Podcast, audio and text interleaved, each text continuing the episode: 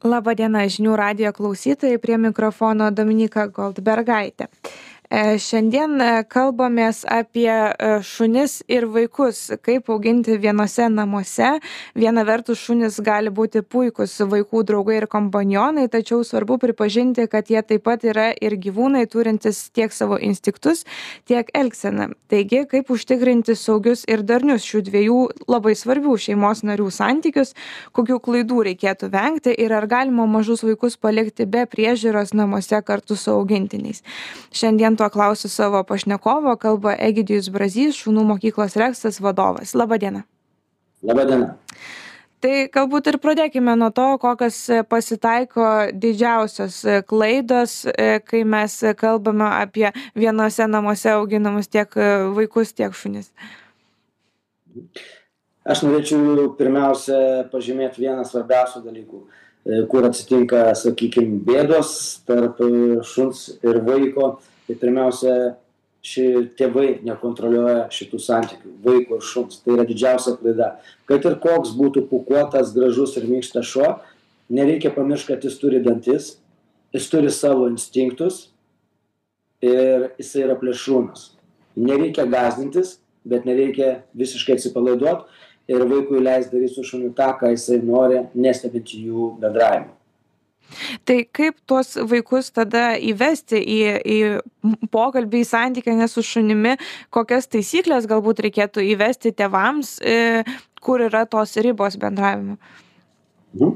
Pirmas dalykas, aš galbūt pasakysiu savo patirties. Aš dažniausiai šitose situacijose ir pas mane yra nemažai klientų kurie pirmiausia paskambina ir atvažiuoja pas mane į mokyklą arba aš atvažiuoju pas jus pas juos ir pravedu tiesiog pirmines pamokas šeimai kaip elgtis su šuniu kur būna susodinami ir vaikai ir visi klauso ką aš pasakoju.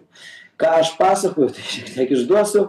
Tai pirmiausia aš paaiškinu svarbiausia vaikam kaip elgtis su šuniuku. Ko nedaryt svarbiausia. Kad negalima lįst kai šuo turi savo privačią erdvę jisai ilsisi miega. Kai jisai ėda laka kai jis turi kaulą ne nelįsk tose situacijose prie jo. Nepradėk su juo žaist lakstydamam į vieną galą į kitą kaip ir fainas žaidimas jis gaudo ir kanda. Vėlgi tai nėra agresija tai nėra pavojinga bet tai yra labai nemalonu nes tas šuo įpranta žaist kaip su kitu šuniu jis žaidžia kaip jam instinktai sako tai aš parodau kad yra žaislas už virvutės pririštas pavyzdžiui kažkoks tai žaislas kuriuo tąso ir šuo gaudo tą žaislą kuris pririštas už tos virvutės o ne tą vaiką kuris bėgioja ir kandžioja nes šuo natūraliai tą darys. Tai pirma paaiškinu apie žaidimo taisykles apie resursus. Kas yra šuniui resursai? Tai yra maistas žaislas vieta teritorija šeimininkas ane kur nelįst kokiose situacijose nes šuo jaunas dažniausia nori daug miegot ir kai jis pavargsta jisai būna piktas jeigu mes prie jo lendam kur reikia liest šunį nes pavyzdžiui šuniui yra jautrios vietos jis nemėgsta kai yra glostomas per galvą kai yra liečiami jo sąnariai ypač jautrios vietos uodega kad negalima perkambint ir tenai niurkyt jo pūst orą į jo veidą nes šuniui nėra malonu. Vienas toleruos kitas kąs tiesiog paaiškini kaip elgtis. Ne? kai ar tas šuns elgesys gali priklausyti e, nuo jo veislės, kaip jisai elgsis su vaiku, ar yra kažkokios tendencijos? Taip, nepaslaptis yra. Vienaip į tai reaguos auksiaspalvis retriveris, kitaip į tai reaguos, pavyzdžiui, rotveileris, ar kita, ar pitbulis. Ne? Pas kuriuos belgų malina, pas kuriuos stipriau išreikštas tas resursų saugomas. Tai galbūt tas retriveris kentės ir atsitrauks toliau nuo jais, o va tie šuniukai nekentės. Jie perspės iš pradžių galbūt jeigu nepaklausys jis kąs čia yra pavojinga. tai didžiausias pavojus aš taip suprantu yra kad įkąs ane ar dažnai pasitaiko tokie atvejai? Dažnai ir labai dažnai paskutiniu atveju. Ir labai įdomus variantas pavyzdžiui reik suprast kaip pavyzdys vienas kad labai dažnai ir kita bėda būna kai pas vaikus ateina kaimynų vaikai ir tėvų nebūna tai vat neseniai buvęs atvejis belgų malina sukandžiojo kaimynų vaiką kurį vežė tiesiai į klinikas. Daug sukandžiojimų buvo. O paprastas dalykas kas yra belgų malina tai yra saugos tarnybinis šuo. Ką jis daro? Saugoja. Ir tas vaikas aš neatsimenu tiksliai situacijos ar bėgo ar kažką staigiai padarė ir tas šuo sureagavo. O vaikai buvo vieni. Ir visi buvo įsitikinę kad jis su juo saugu.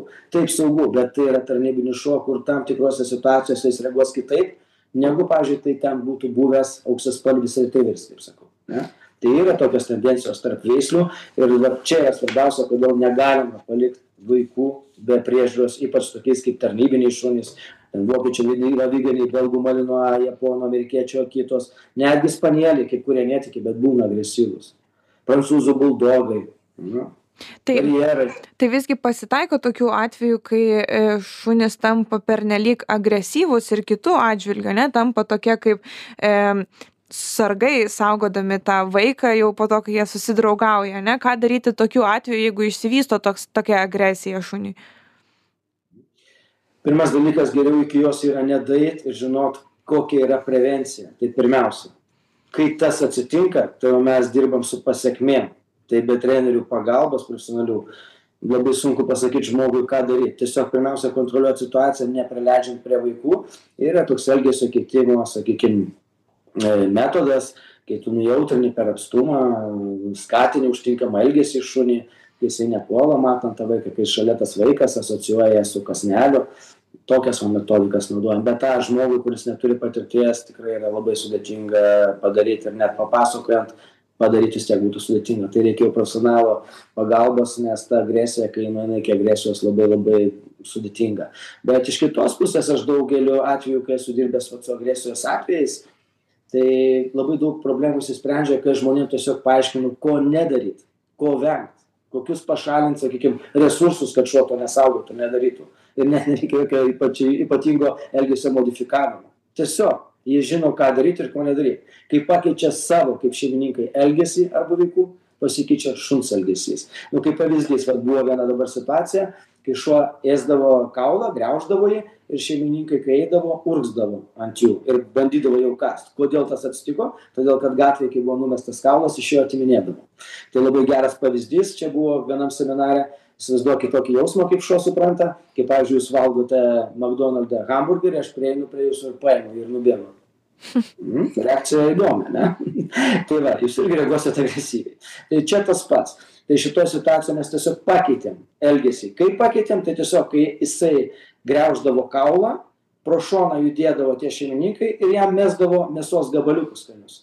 Maždaug per dvi savaites problema išsisprendė ir tų mėsos gabaliukų jau nemeta bet kai jie praeina jisai jau nesaugo to kaulo. Nu kaip pavyzdys vienas iš sprendimo būdų. Mes nemažai kalbam apie tai kuo šuo gali būti pavojingas vaikui bet ar vaikas gali būti pavojingas šuniui ar pasitaiko tokių sužalojimų e, galbūt tiek fizinių galbūt su mityba susijusių kai vaikas duoda kažkokio netinkamo maisto šuniui ar būna tokių atvejų? E, Čia retesni atvejai, dažniausiai šuo sužaloja vaiką, bet taip, kas liečia su maistu, mes galime, aišku, kad šuniui pakengti jeigu mes duosim šokoladą saldumynų vynuogių ar riešutų mes labai pakenksim šunio sveikatai ar netinkamo maisto sakykim nu kai vaikai pavyzdžiui vieni lieka ir įsivaizduoja kad pašers šunį kažkokiu tai netinkamu maistu. Nes šunio maistas turi būt šunio maistas. Tai taip tuo gali pakenkt netinkamai duodami kažkokius tai pavojingus maisto gaminius mūsų.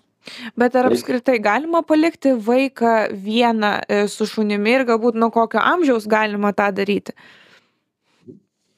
Aš galvočiau gal ne tiek nuo amžiaus kiek nuo vaiko supratimo kaip elgtis su šuniu ir nuo tėvų išauklėjimo vaiko kaip su juo elgtis. Aš gal taip akcentuočiau.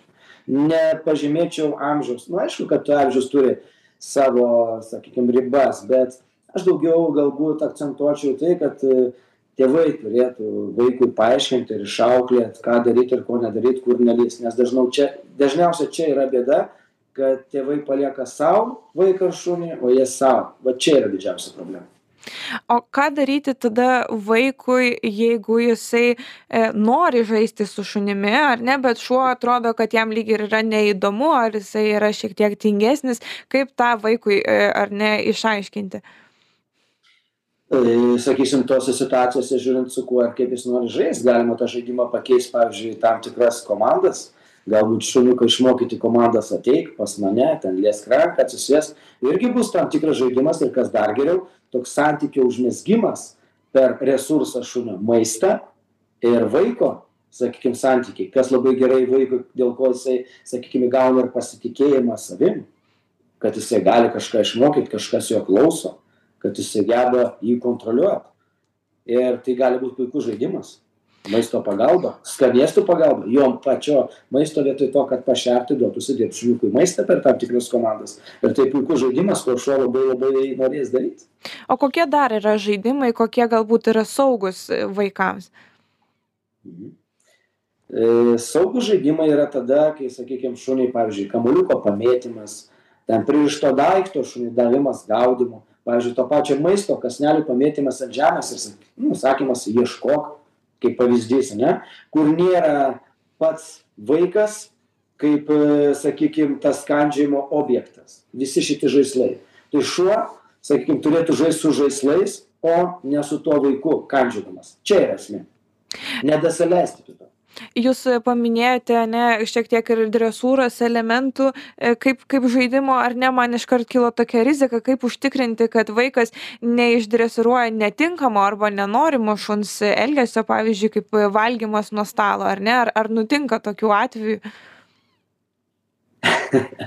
Nutinka bet sakykim aš to nepabrėšiu nes čia nėra lemiamos klaidos kas sakykim atsitiktų. Tai E, sakykim davimas nuo stalo šuniui maistą kai jisai sėdi ant žemės aš nematau nieko blogo.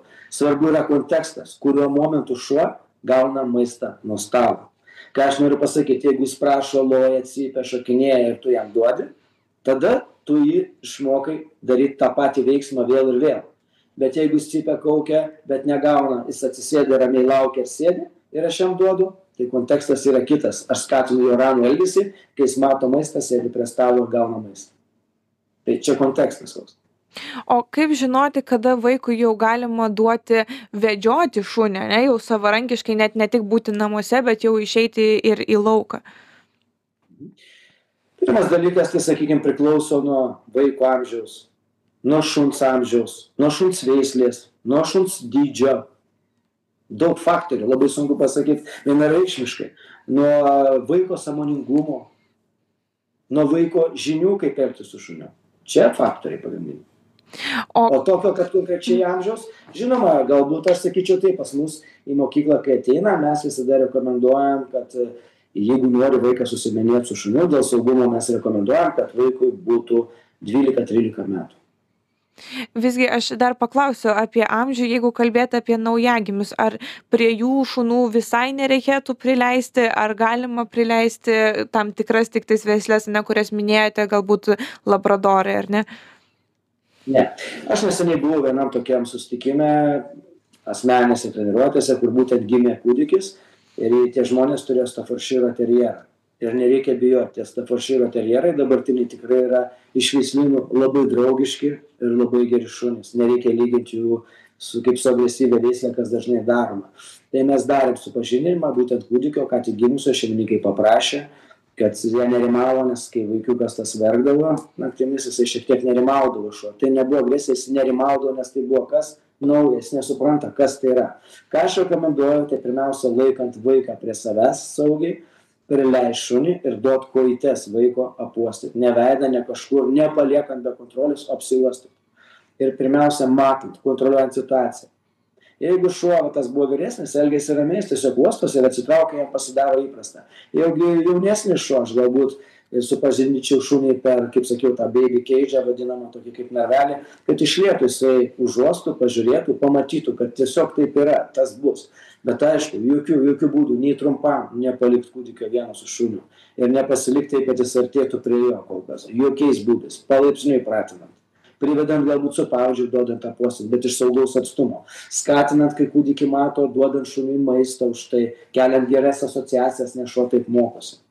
Bet būtinai reikėtų supažint supažindint nuo pat pirmų dienų vaiko gimimo. Taip.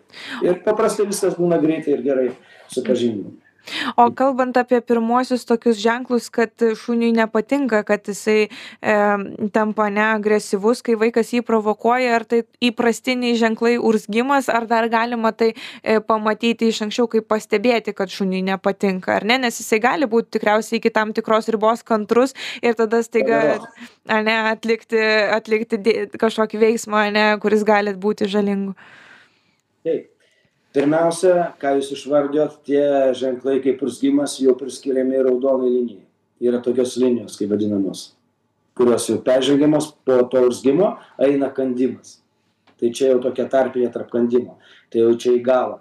Pirminiai ženklai būna kitokie. Pirminiai ženklai kaip pavyzdžiui žmogų nu vaikas nori apkabint šuo vengia kontakto bando ištraukt galvą bando atsitraukt bet vis tiek jį persekioja bando nueit pakeist kitą vietą kasytis tuo momentu pradeda šitam kontekste? Apsilaižyt dažnai žiovaut suktis ratu. Tai yra pirminiai streso ženklai kad nėra gerai. Įsitempt raumenys įsitempia akys tokios pasidaro įtemptos tokios kaip pabalę tai yra ženklai kad reikia atsitraukt tenai dažniausia tai būna laižymas žiovavimas. Bet būtent šitam kontekste reikia pamiršt kai šuo kitam kontekste. Bet čia yra pirminiai streso ženklai ką reikėtų atkreipt dėmesį ir tai labai labai svarbu kad neperžengtų iki toliau ribų urzgimo po ko seka kandimas. Nes jeigu taip sakykim vat buvo labai geras pavyzdys mum per seminarą tai rodė reporteris amerikoje apkabino vokiečių aviganį tiesiog jį apglėbė ir tas šuo rodė vat būtent tuos ženklus. Tai yra apsilaižymą dažną ir po to sekė suurzgimas trumpas ir iškart kandimas o ką daryti jeigu pats vaikas e, bijo šuns ar e, irgi čia turbūt reikėtų kažkokį santykį bandyti megzti ar palikti juos atskiruose kambariuose? Ką daryti? Pirmiausia socializuoti ir nujautrinti vaiką šunim. Tai mes tokių vat pavyzdžiui turėjom vaikų kai pas mus į grupines treniruotes atsiveždavo žmonės savo vaikus ir jie tiesiog sėdėdavo ir stebėdavo treniruotę toliau mes sakykim paprašydavom kad tie vaikai prieitų prie jiems atrodančio saugiausio šunio ir jie pabandytų atlikt keletą komandų. Jau tie šunys dažniausiai būdavo išmokyti paduot kąsnelį prabandyt pravest šalia paliest paglostyt. Jeigu nenorėdavo gerai nereikia. Ateikit į sekančią pamoką pažiūrėkite nujautrint paruošt vaiką tam o ar reikėtų vaiką įtraukti į tuos kasdienius šuns priežiūros darbus maitinimą sušukavimą plovimą? E, kuo tai yra gerai galbūt o gal blogai? Būtinai. Pirmiausia skatinama vaiko atsakomybė. Atsakomybė už gyvūną priežiūra kas gyvenime jam tikrai pravers ir padės tai labai svarbios savybės vaiko ugdomos atsakomybė meilė ištikimybė galų gale tam šuniui. Rūpinimasis juo. Tai yra labai svarbūs dalykai ir geri dalykai. Ugdo pasitikėjimą savim vaiko tas šunio vedžiojimas kad jis kažką turi. Geria gerina emocines sakykim vaiko savybes netgi yra toks dalykas kaip padeda skaityt vaikam kurie neskaito. Aš turiu vat kaniterapijos tokius užsiėmimus kur mano išlaikyt nu pas mane laikė egzaminą šunys įeina į viešas bibliotekas ir vaikai kurie turi problemų su skaitymu tai ten atvedamas šuo kuris išsilaikęs tą egzaminą ir ten jis šuniui skaito knygutę. Ir tai motyvuoja na tai pabaigai tuomet e, toks apibendrinimui klausimas. Mes uždėjome jau pradžioj laidos akcentą kad tėvai visgi yra atsakingi už šių darnių santykių kūrimą. Tai paskutiniai patarimai apibendrinant ką reikėtų daryti jog vaiko ir gyvūnų santykis būtų geras. Pirmas dalykas turėt žinių kaip elgtis su šuniu kaip jį auklėt ką daryt ir svarbiausia ko nedaryt kitas dalykas nepalikt vaiko ir šunio vienų be kontrolės. Ir žinot kaip šunį tą mokyt kaip jį kaip su juo elgtis kaip įtraukt vaiką į tą sakykim jų bendrą gyvenimą. Išmokyt vaiką kaip e, žaist su tuo šuniuku. Kada nelįst prie to šuniuko.